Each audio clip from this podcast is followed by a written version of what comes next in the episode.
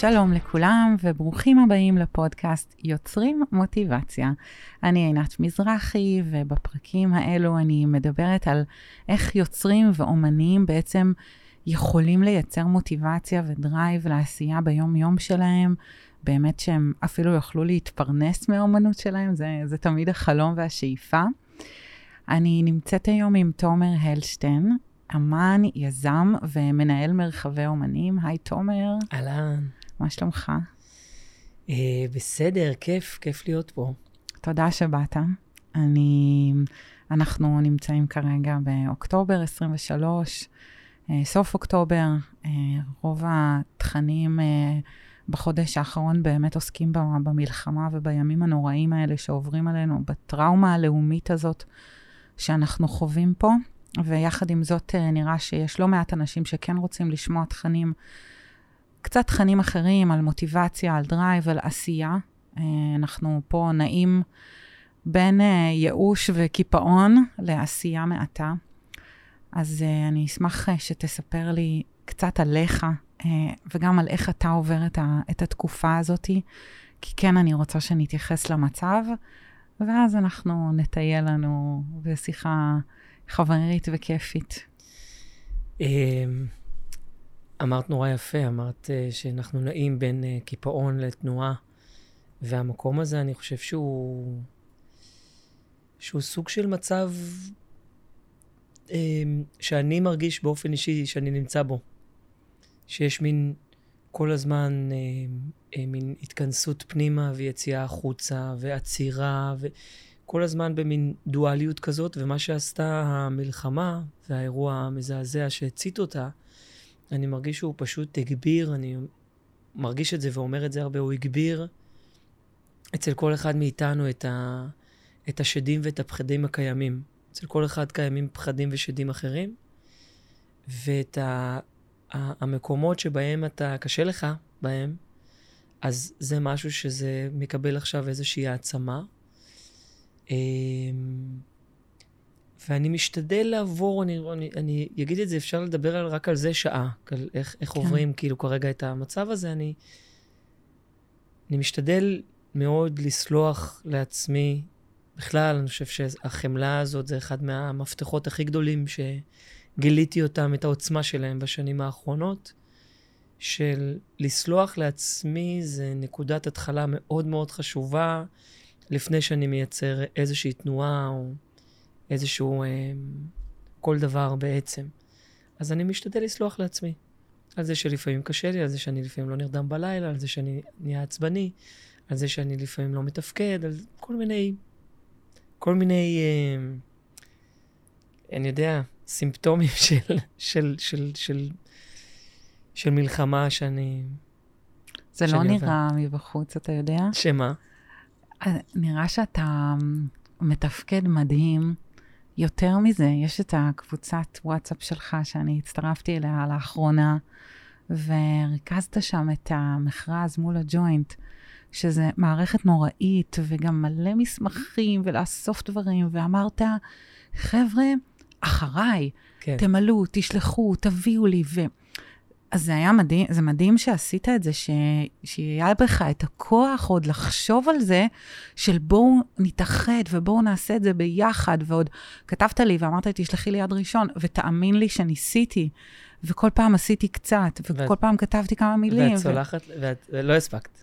היום שלחתי לך משהו, 아, כן, שלח. כן, 아, שלחתי נכון, לך, ו... אבל עדיין, זה היה בדם, יזע ודמעות. מדהים, מדהים.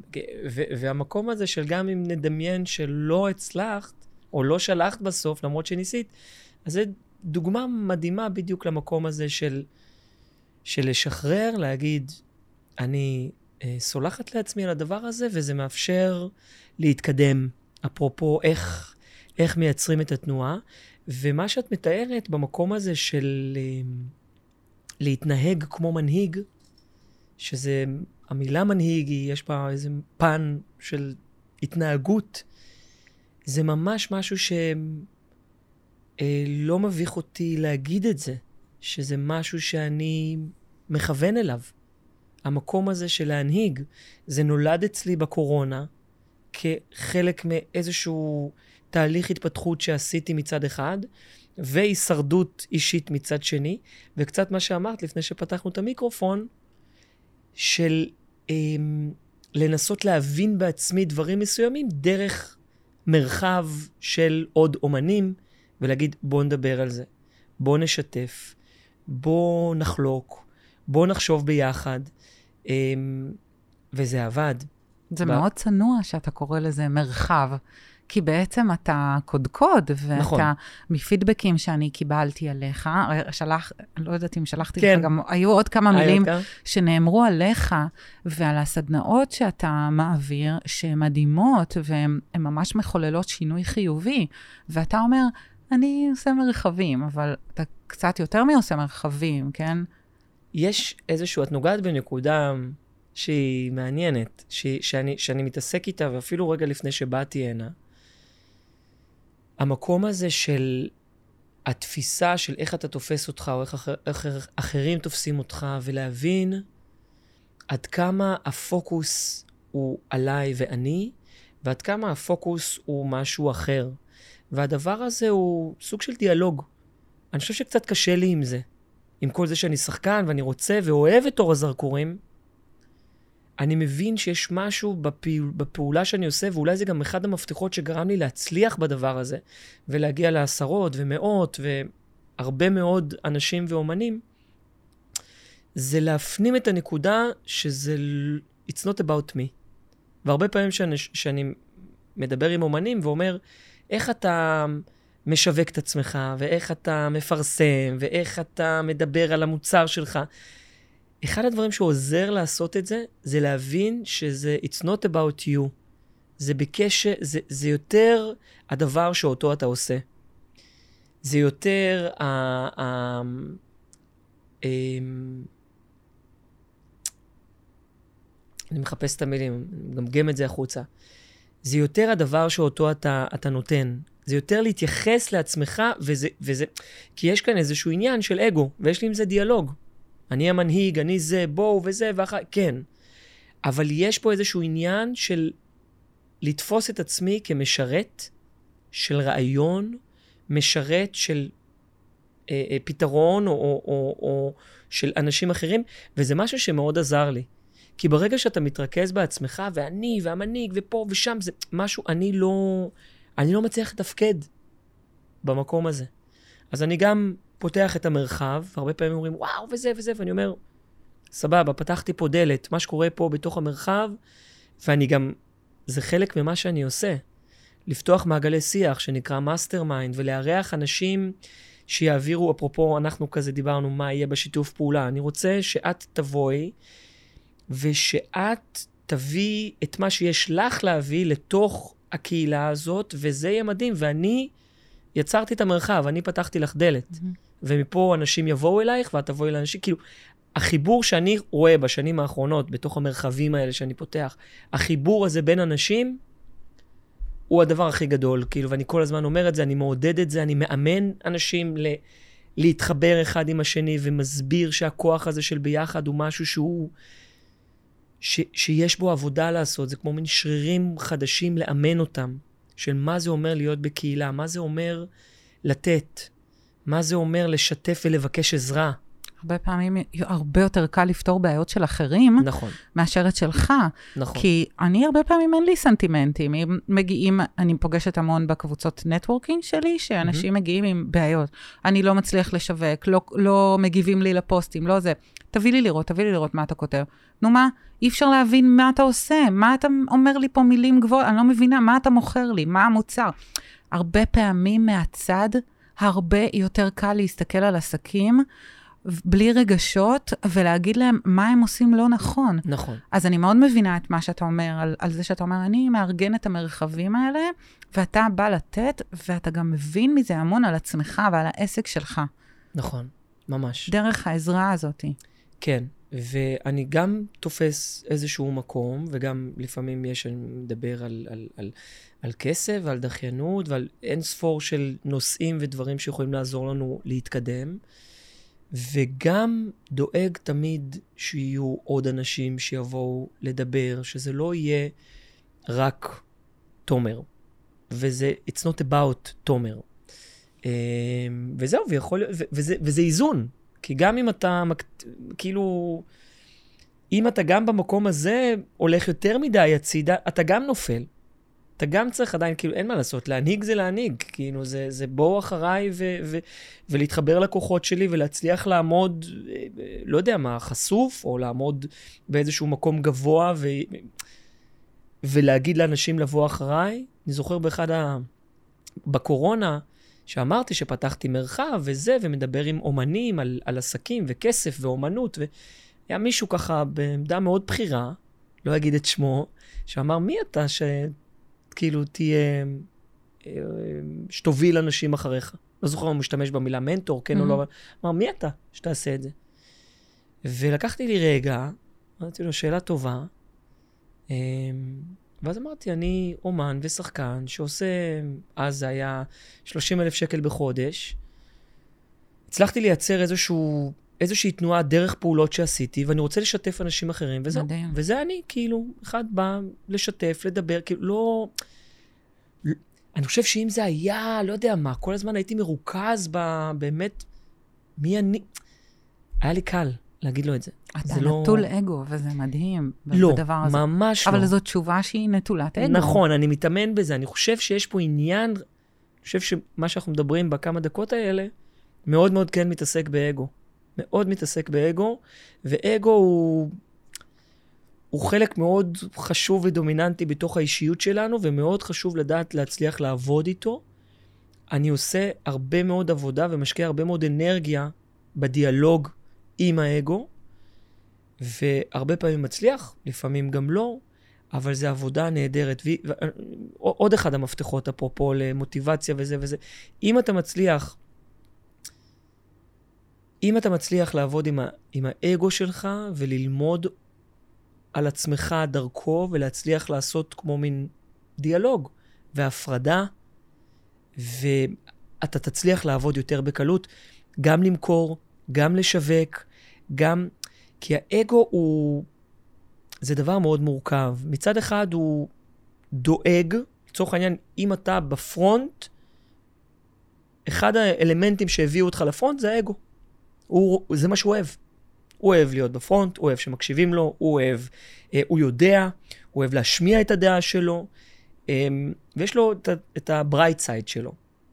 ה dark side שלו, זה שאם זה נהיה קצת יותר מדי, אז הוא הוא מצמצם אותך, הוא לא מצליח להקשיב לאחרים, הוא לא מצליח לראות אחרים, הוא לא מצליח להודות בטעות. בואו נראה דוגמה של קודקוד מאוד גדול שנמצא כרגע, שפשוט שבוי, הוא לא, לא עושה את זה בכוונה. פשוט שבוי, כאילו משהו שם משתלט. וחלק מזה, אני חושב שיש שם הרבה, לא פסיכולוג לדעת עד כמה ההפרעה היא, היא עמוקה, אבל חלק נכבד מזה זה, זה המקום הזה של האגו.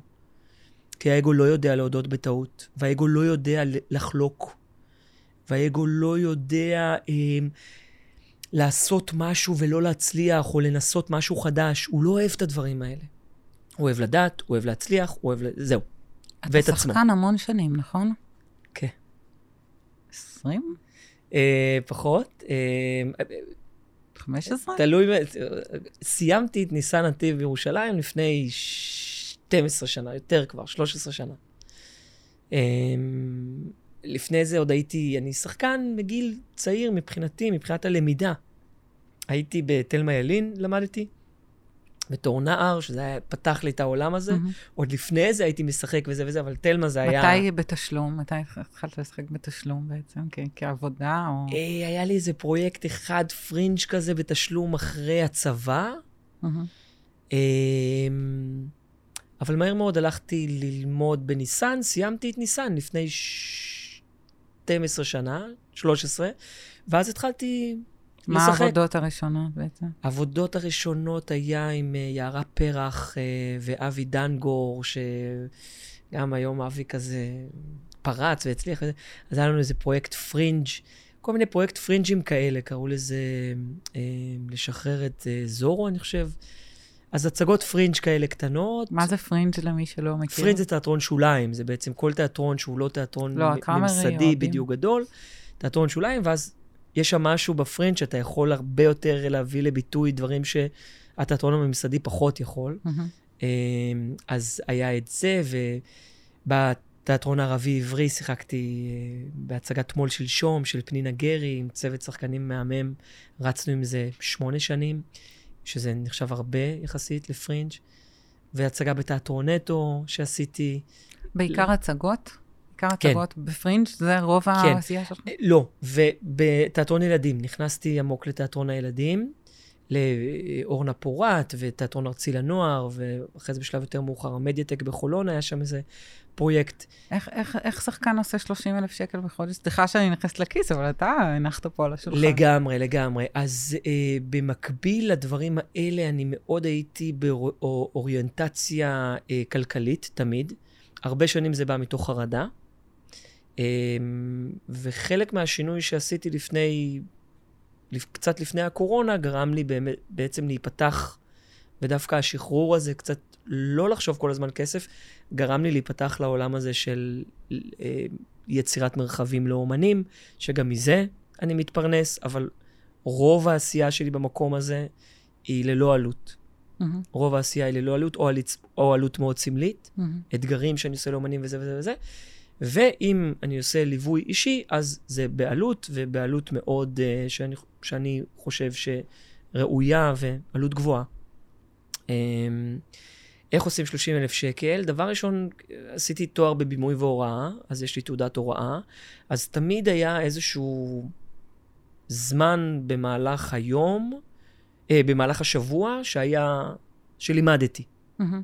בית ספר, אוניברסיטה? אה, זה היה, בתי ספר זה היה ההתחלה, אבל הסכו, הכסף שם והאופן שבו עובדים מהמם. בבתי ספר גרם לי להרגיש כאילו אני עבד או קורבן, ולא אהבתי להרגיש את זה, אז הפסקתי לעבוד בצער, כי אהבתי. אבל אחרי שנה, שנתיים הפסקתי לעבוד בבתי ספר. כאילו, לא, לא יכולתי פשוט לשחק את המשחק בתוך משרד החינוך, לא אז הצלחתי. לאן עברת? אה, לכל מיני אה, הוראה ב- באורנה פורת, לימדתי המון המון Mm. שנים בהוראה, במה שנקרא, איך זה נקרא? מסגרות שהן לא בתוך בתי ספר, מסגרות העשרה. מהמם.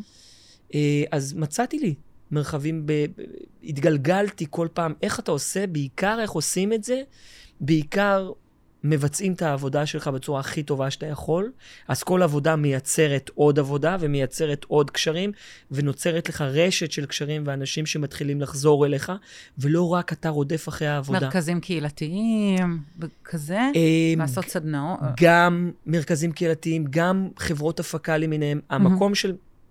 זה היה כמה מרחבים. מהמם. זה יש את המרחב שבו אני מלמד. המרחב שבו אני מלמד, אז היה אורנה פורת, והיה כל מיני מרכזים, והיה סדנאות חד פעמיות, והיה... וכל הזמן אתה דואג לתחזק את ה... גם הקשרים הקיימים וגם קשרים חדשים, גם קשרים קיימים וגם לזרוע. הקשר הקיים עושה שני דברים. אחד, חוז... אתה חוזר, בין אם זה שנתי או בין אם זה חד פעמי, אבל הוא יקרא לך עוד ועוד, והוא גם ימליץ עליך. אלה שני הדברים שקשר קיים טוב עושה. נכון. אה, ובמקביל לזה, כל הזמן לחפש עוד ועוד מקומות, וכשאתה עושה את זה טוב, אז, אז זה, זה הופך להיות אקספוזנציאלי. אז רק כשסיימתי את הבית ספר, אז זה היה להרוויח 5,000 בחודש. ול, וכל שנה זה פשוט עלה ועלה ועלה ועלה, ו, והקשרים נהיו יותר, והתמחור אתה לאט לאט מעלה אותו. הפרויקטים שאתה לוקח לעצמך הם הופכים להיות גדולים יותר, אתה לא רק מלמד כבר, אתה מפיק חלק מהפרויקטים. ובעיקר, לא יודע, אני היום לא, מאמין, לא דוגל בלהגיד כן להכל, אבל אמרתי כן להכל. וחלק מהפעמים מאוד, התבא, כאילו, גיליתי שזה מהמם. לא טוב לי, כן. וחלק מהדברים גיליתי שזה כן, אבל זה היה לנהל, זה היה להתחיל לעבוד. אני מלמד, אז אני מלמד גם בקייטנה. ובקייטנה בחופש, כי בחופש אין עבודה כזאת, אז זה הופך להיות עבודה אחרת. מהמם. בחודשים יולי-אוגוסט. אז לימדתי בקייטנה, ואז ניהלתי קייטנה, ואז ניהלתי קייטנה יותר גדולה, ואז קראו לי מקרקס פלורנטין לנהל קייטנה יותר גדולה של 600 ילדים כבר, וזה הפרויקט כבר שאתה לא מרוויח עליו 10,000, אתה מרוויח עליו 40,000 שקל. אמנם הוא מתחלק לחודשיים, אבל, כן. אבל אתה נע במרחבים של כמה וכמה פרויקטים אתה במקביל. גם משחק, אתה גם אה, משחק בהצגות, ואתה גם בעצם נכון. מלמד ומנהל פרויקטים כאלה. נכון, ובשנים האחרונות, מאז הקורונה, הפסקתי לשחק בהצגות ילדים, הפסקתי לשחק בהצגות, והלב הפועם לכיוון המשחק הוא, הוא בכמיהה למשחק מול מצלמה, בעצם. שגם את זה למדתי צירותי. שזה סרטים, סדרות? כן. כן. שיחקת? אה, ביקורים מאוד מאוד קטנים, אבל לא באמת, אה, לא באמת.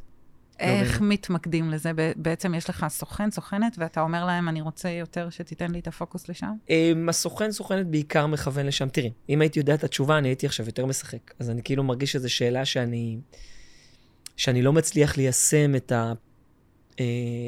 הפעולות שלי לקראת הדבר הזה. אבל כן, יש לך סוכן שבעיקר הוא סוכן כאילו ל, ל, למשחק. שהוא מביא, זה יכול להיות גם לתיאטרון, אבל תיאטרון ומביא לך אודישנים. אודישנים אתה יכול לקבל גם מסוכנויות שהן יותר כלליות. יש את שלש, למשל, כן. שזו סוכנות שהיא, אתה יכול להיכנס אליה, שהיא, אה, התנאי קבלה שלה הם יותר, יותר אה, גמישים, גמישים נכון? אה, אבל שוב, אני לא יודע לענות על זה. כי זה לא קורה עדיין, אבל... אה, אני, אני הפסקתי פשוט לעשות את האודישנים, כי זה היה לי... ה mindset שלי היה בעייתי. וזה גם, אני חושב, קשור לאגו. מה זה אומר ה mindset שלי היה בעייתי? הצלחתי, אחרי שסיימתי ניסן נתיב, ללכת שבע שנים, אני חושב, לאודישנים, וכל פעם שהייתי הולך ולא עובר, הייתי מרגיש מאוד רע עם עצמי. שאני לא בסדר, למרות שידעתי את כל הקלישאות שבעולם. שזה לא אני, וזה לא פה, וזה לא הצלחתי. זה אמרתי, אני לא מצליח, אני, אני...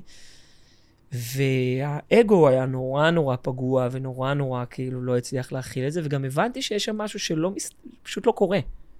זה כמו מין מאמץ, שאחרי כמה זמן אמרתי, אתה רוצה את זה? בתור התחלה, איזושהי תובנה עמוקה, שחרר את זה. מה שאתה עושה שם משהו לא נכון, שחרר את זה. כי ידעתי שהגישה לתוך המקום הזה צריכה להיות גישה הרבה יותר זורמת. הרבה יותר להתחבר לאותנטיות, בלי לחץ, בלי להזיע יותר מדי. משהו שם, וזה לא, זה רק הלך ו, ו, והתכווץ לי. הלכתי והתכווצתי אל מול המקום הזה, ולא... אז עשיתי כזה מין רגע עצירה, ו... ועכשיו אני ניגש לזה ממקום קצת יותר, אה, יותר גדול. מה זה אומר יותר גדול? זה מאוד קשה, אני, אני, I hear you, אני שומעת אותך. ואני זוכרת את האודישנים המעטים שאני ניגשתי אליהם בחיי, כמה זה קשה, כמה כן. אתה לחוץ לפני. ושוב, אני לא יכולה אולי להשוות את עצמי אליך בכלל בכמות, כן, אבל וואו, זה כל כך קשה. כן. של לראות מישהו אחר שהוא יותר יפה, שהוא יותר זה, שהוא יותר, יותר מפורסם, ואתה אומר, מה הסיכוי שלי? ו... וואו, כאילו לעמוד מול הכ... אנשים שמסתכלים עליך מכל הכיוונים, ו... גם אם אתה מול המצלמה כל... ואין, ואין כן. אנשים, זה עדיין נורא נורא קשה, כי זה מפגיש אותך עם הפחדים, עם, עם, ה, עם השיט שלך. זה כמו קצת להסתכל במראה ממש מקרוב. ואני חושב שהתמהיל הנפשי הזה שהיה לי של ביטחון עצמי נמוך, עם הרבה ביקורת עצמית, ורצון נורא נורא חזק לעשות את זה ולפרוץ ולהצליח, השילוש הזה של מה שאמרתי עכשיו, לא טוב. אבל למה ביטחון עצמי נמוך? אמ, כי כן, למדת, עשית, היו לך... כי ביטחון עצמי לא קשור בהכרח ללמידה, הוא תפיסה שלך אותך. הוא איזשהו, איזשהו משהו בדיאלוג הפנימי שלך עם עצמך. וזה משהו שאחרי כמה שנים הבנתי, שמעבר ללעשות אודישנים, הבנתי שמשהו לא בסדר באופן שבו אני חושב. באופן שבו תומר מדבר לעצמו כשהמסך יורד, או כשהיום נגמר, או שאני נמצא עם עצמי, מול עצמי, בבין לבין, שקורה שם משהו לא טוב. משהו לא טוב קורה במחשבות שלי מול עצמי. ואיך פתרת את זה? הולכים לטיפול גם? בכל הזמן. אני מאוד מאמין בזה, בטיפול. אמ, ואני ככה היום נמצא במקום מספיק, אה, לא יודע, מספיק אולי כנה להגיד שאני לא חושב שפתרתי את זה אה, כל כך. זה מסע חיי לפתור את זה. היום אני נמצא במקום הרבה יותר... ואני לא מדבר על זה הרבה, דרך אגב, כאילו, זה, מה שאנחנו מדברים פה עכשיו זה כאילו...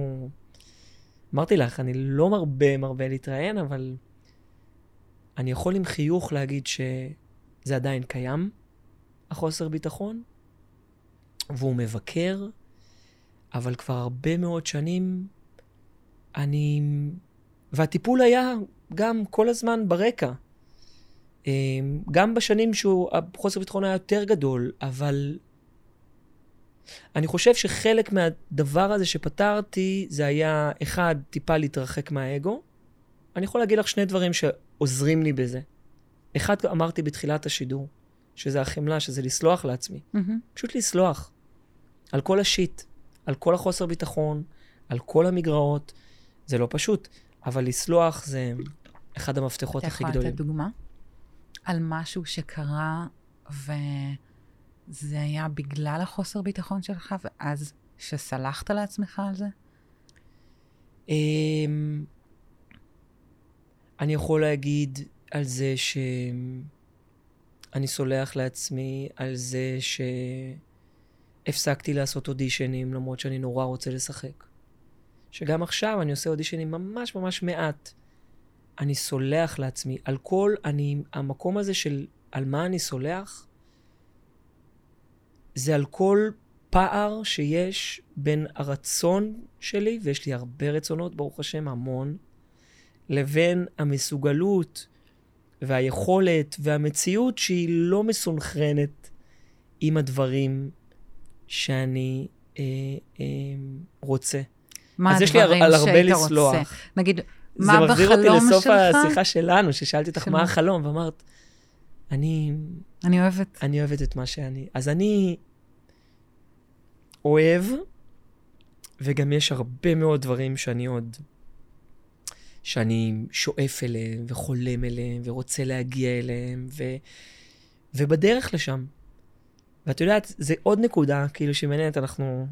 נקודה לנקודה זה כאילו נורא זה, אבל יש לי תמיד כשאני מדבר עם אומנים ומנסים להבין מה ההבדל בין חלום שהוא מהווה לך נקודה של אור וזרקור ונקודה מוארת שמנצנצת לך במרחב, אתה אומר, איזה כיף שיש לי חלום להגיע ולשחק תפקיד ראשי בסרט ובכל העולם.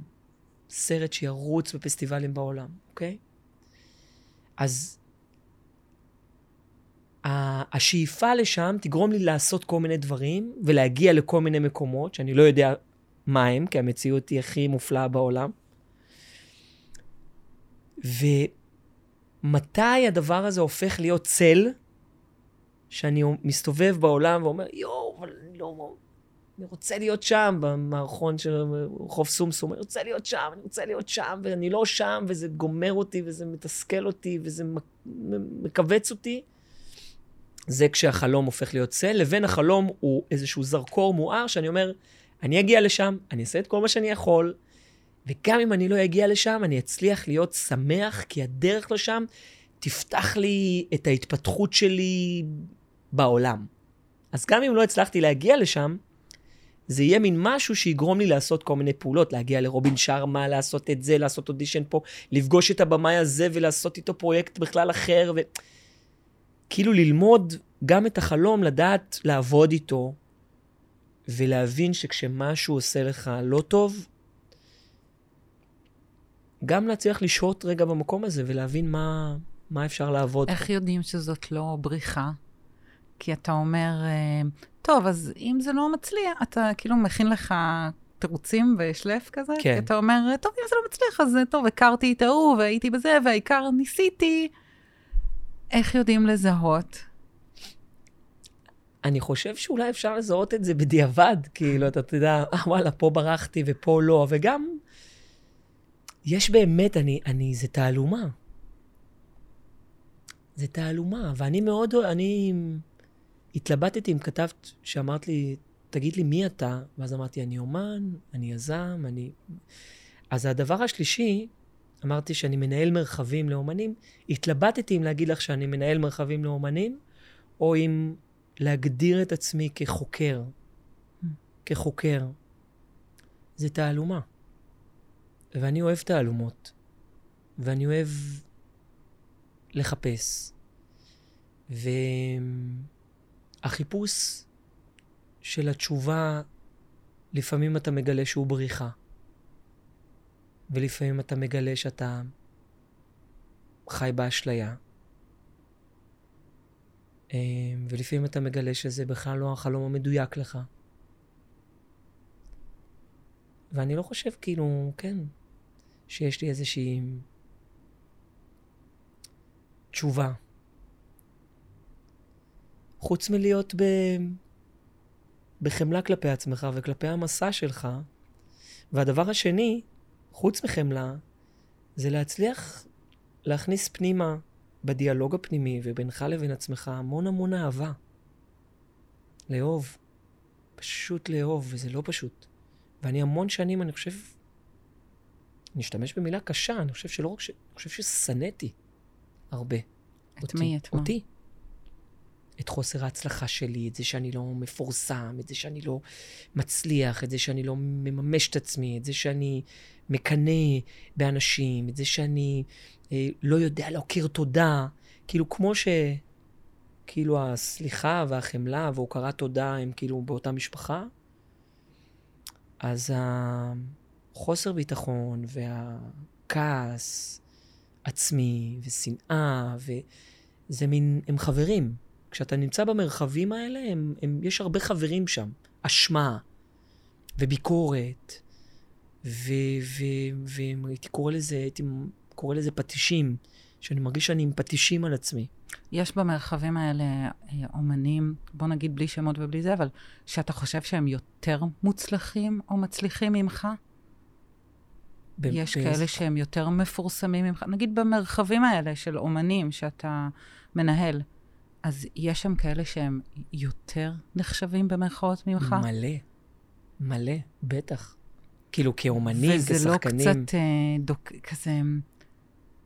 אולי מצד אחד זה מחמיא לך, כי הוא בא למרחב שלך, כן, וזה אומר שהוא לא יודע הכל והוא רוצה ללמוד, מצד שני, אה, אז גם הוא יותר מצליח ממך, אז נכון. אולי, מה, מה הוא עושה שאני לא? אמ, אני חושב שחלק מהאימון של מה שאני עושה במרחבים האלה, זה להתאמן על ללמוד ולראות ולהפוך קנאה להשראה, ולהפוך אמ, דברים מצמצמים לדברים מרחב וממקום של התרחבות. ואני לא אומר שאני, את יודעת, איזה, כי את אומרת, וואי, וזה, וזה נראה שאתה נורא עובד, וזה נראה שאין לך אגו, וזה נראה כאילו סבבה, כי אני משדר את זה. ואני גם עושה שם עבודה, וזה גם נכון במידה מסוימת. אבל יכול להגיד, מחר אנחנו נפגשים עם... אה, אה, בבוקר עושים מפגש בביקורי העיתים עם אה, קבוצה של אומנים, שאחד מהאנשים שהזמנתי לדבר על יצירה מתוך כאב אה, זה אברהם שלום לוי, שהוא יצר את הסדרה א', שזו סדרה מהמם. מדהימה וחשובה, והוא יצר אותה והוא משחק בה. ונפגשנו לפני יומיים, וישבנו ודיברנו, והוא סיפר על כל מיני דברים של פרויקטים שהיו, ובעקבות המלחמה, כך וכך, ושכל מיני חברות פנו אליו, וכל מיני דברים, ובעולם, ואני רואה אותו מגשים הרבה חלומות שהייתי רוצה להיות שם. והיום אני יודע להסתכל על התחושות האלה במרחק מסוים, ולא לתת לזה לשתק אותי, ולהגיד, אם אני נמצא איתו, ואם אני עובד איתו, ואולי אפשר לעשות משהו ביחד, ומה הוא עושה שהוא עושה שם נכון, שאני יכול גם לעשות, ואולי גם להתייעץ איתו. זאת אומרת, יש פה, אני חושב, קרבה. זה בדיוק המקום הזה של הזדמנות ללעבוד עם האגו. זה מה שזה. זה גם הגיל, אתה חושב? גיל? אני, כן. אני חושבת שהגיל יש לו כן. פקטור פה. בטח. משבר גיל ה-40 קלאסי, אני בן 42, כן? אבל אנחנו כאילו... לא בני 20 שהכל נכון. מאוד דרמטי. ו... נכון. כאילו בגיל 40 אתה גם um, יודע מי אתה, יודע מה אתה שווה, יודע להסתכל על הדברים בפרופורציה. עדיין יש לך חלומות, אבל... נכון. שנייה, אני לא ילד, אני, אני יודע. אה, בטח, זה... אני נורא... אני כאילו בדברים מסוימים מאוד מרגיש ילד, אבל גם המקום הזה של לעשות דיאלוג, כאילו הרבה פעמים אני מייחס את האגו ל, לילד שבי. לעשות דיאלוג עם הילד הזה, וכן, משהו שם קורה, משהו שם עם הגיל קורה, גם הדברים שעברת. אני חושב שזה נורא תלוי ל... זה נורא תלוי במסע ההתפתחות ה- ה- ה- האישית, הרוחנית, הרגשית שאתה עושה, ויש כאלה שמתחילים את זה בגיל נורא מוקדם ומגיעים למקומות האלה בגיל מאוד מוקדם. אז כאילו הגיל הוא... בשבילי זה מדויק מה שאמרת, שגם הגיל נותן, נותן את שלו. אני חושב שהילדים שלי נותנים לי איזושהי מראה והדהוד, שגם עוזר לי ל, ל, להתרחב. אמ, אז כן, התשובה היא כן. איפה גדלת, אגב? אה, גדלתי בתל אביב. תל אמ, אביבי? תל אביבי, אסלי, אה. כן. בלמד, בשיכון למד, לא רחוק מאיפה שאני גר עכשיו. אמ, צפון בוני? צפון בוני לגמרי. והחיים שלי הובילו, הובילו אותי, גרתי ב, בירושלים, למדתי שם אה, בניסן נתיב, וכאילו אני תמיד מרגיש שיש בי משהו, כאילו תמיד נמשכתי לקיבוץ, עבדתי בקיבוץ, בצובה, שם התחלתי לעבוד עם ילדים. אמ, אבל כן, כן, שם גדלתי, שם איכשהו שוב הגעתי, אבל... אה, ומתי ידעת שאתה רוצה ללמוד משחק? בעצם למדת בתיכון אה, לאומנויות, למדת בבית ספר לאומנויות. נכון. בכיתה ד' כבר מאוד אהבתי לשחק, ומאוד אהבתי להצחיק, ולהיות כאילו, וקיבלתי המון פידבקים כאילו כאלה טובים. אמ, ואז התחילה שם גם איזושהי מטוטלת מאוד גדולה, כי גם עברתי איזה חרם די אכזרי כאילו בגיל הזה, כמה חודשים. לא היית הכי מקובל? הייתי. היה לך כיתה וזה? הייתי, אז מה? הייתי שם, ואז uh, קיבלתי על הראש. ואז נהייתי ה... לא יודע אם לקרוא לזה slave, אבל כאילו, מהכי, כן, נהייתי, נהייתי אוויר. זה עשה שם בלאגן. אפרופו, למה חסר ביטחון, אני משער ש... מה, ברגע? משהו שקרה, או זה היה די ברגע. קרה משהו? עשית משהו שזה קרה? או שזה... ממה שאמרו לי, אני התנהגתי לא יפה. אני לא זוכר את זה. היית שחצן? אני לא זוכר את זה ככה, אבל כנראה. מה שאני חשבתי שבדיחה, לא היה בדיחה כלפי אחרים, אבל האכזריות שבו זה קרה, והבום שבו זה קרה, וה... אני לא הייתי עושה את זה. באיזה גיל זה? ד'. ואז מה?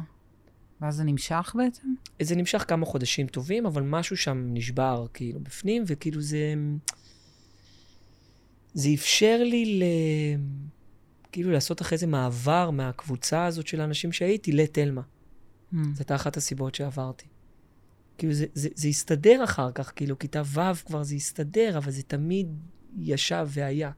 וזה גם חזר לא בצורה כזאת, זה חזר בצורה של ניתוקים. מה זה אומר חושב- ניתוקים? כאילו מה, מהסביבה. רגע אחד אתה עם כולם, ורגע אחד אתה נורא נורא לבד. משהו שם ב... כי החברים גם היו הכל, זה היה איזושהי פגיעה מאוד מאוד, איזשהו פיצוץ במשהו מאוד בסיסי ב- בתפיסת המציאות. אה, אז כן, זה אחד מה... יש עוד כמה תחנות מאוד mm-hmm. מפוצצות, כאילו, לא ניכנס אליהן כרגע, אבל היו כמה תחנות מאוד uh, חזקות בעבר שלי, ש... שגרמו ל... לדיאלוג ה... אפשר לומר אפילו קצת אלים שהיה לי עם עצמי, ומה שהביא אותי, אותי גם למקום הזה שהיום אני רוצה לפצח ולחקור ולהעצים ולרפא את עצמי דרך אחרים, דרך כאילו דיאלוג מיטיב כזה. דיאלוג מיטיב זה אומר שהוא בשפה אופטימית? זה מה שזה אומר? כן, דיאלוג שאתה יודע לזהות מתי אתה עושה לעצמך רע. Mm. שהוא עושה לך טוב, דיאלוג שיעשה לך טוב. כן. כאילו ללמוד שהמ... שהמסלול המיטיב הוא באחריות 100% שלך. גם אם החיים יתאכזרו אליך מאוד מאוד מאוד. אם אתה נמצא על מסלול שהוא מיטיב, או אם אתה נמצא על מסלול שהוא הרסני, זה 100% בחירה שלך, לא המלחמה, לא ביבי, לא קורונה, לא ילדים, אישה, לא שום דבר חיצוני שכאילו החיים מביאים לך בהפתעות וכאפות. להיות על מסלול מיטיב זה כאילו, קודם כל, קודם כל, כאילו, ה... איך אתה מדבר לעצמך בפנים, ואיך אתה מרגיש עם עצמך בפנים, וזו עבודה שהיא, עבודה שהיא אינסופית. אז איך אתה התגלגלת להיות פודקאסטר? יש לך פודקאסט כבר מעל 90 פרקים. נכון. show business. כן. ואתה גם פעם בשבוע, שזה פעם מטורף. בשבוע. אני פעם כן. בשבועיים, וזה קשוח, וזה כן. דדליין כזה. כן. זה מדהים. זה מדהים. זה איך התגלגלת לשם? נתחיל מרצון שהיה לפני הרבה שנים, כאילו הרבה לפני השנתיים האלה, שהתארחתי בעצם. בפודקאסט? מישהי- כן. מהמם.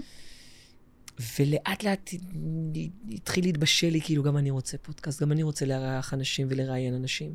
ואז התחלתי לפתוח את המרחבים האלה, ואז אמרתי, טוב, עכשיו אני כבר סוג של מנהיג אחרי אנשים, אז בכלל, כאילו, אני רוצה לעשות את זה, וזה גם יהיה טוב ל...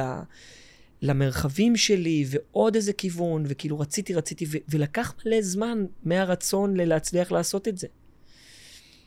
ואז קפצתי למים, וזה הדבר הכי קשה לעשות. כאילו, אם תגידי כל ההתפתחות האישית והמילים, איך הופכים מילים למעשים, הקפיצה הזאת למים הראשונה, ממש כמו שאתה, רגע לפני שאתה קופץ למים קרים, אותו דבר. איך אתה עושה את זה? אתה, אתה מחליט.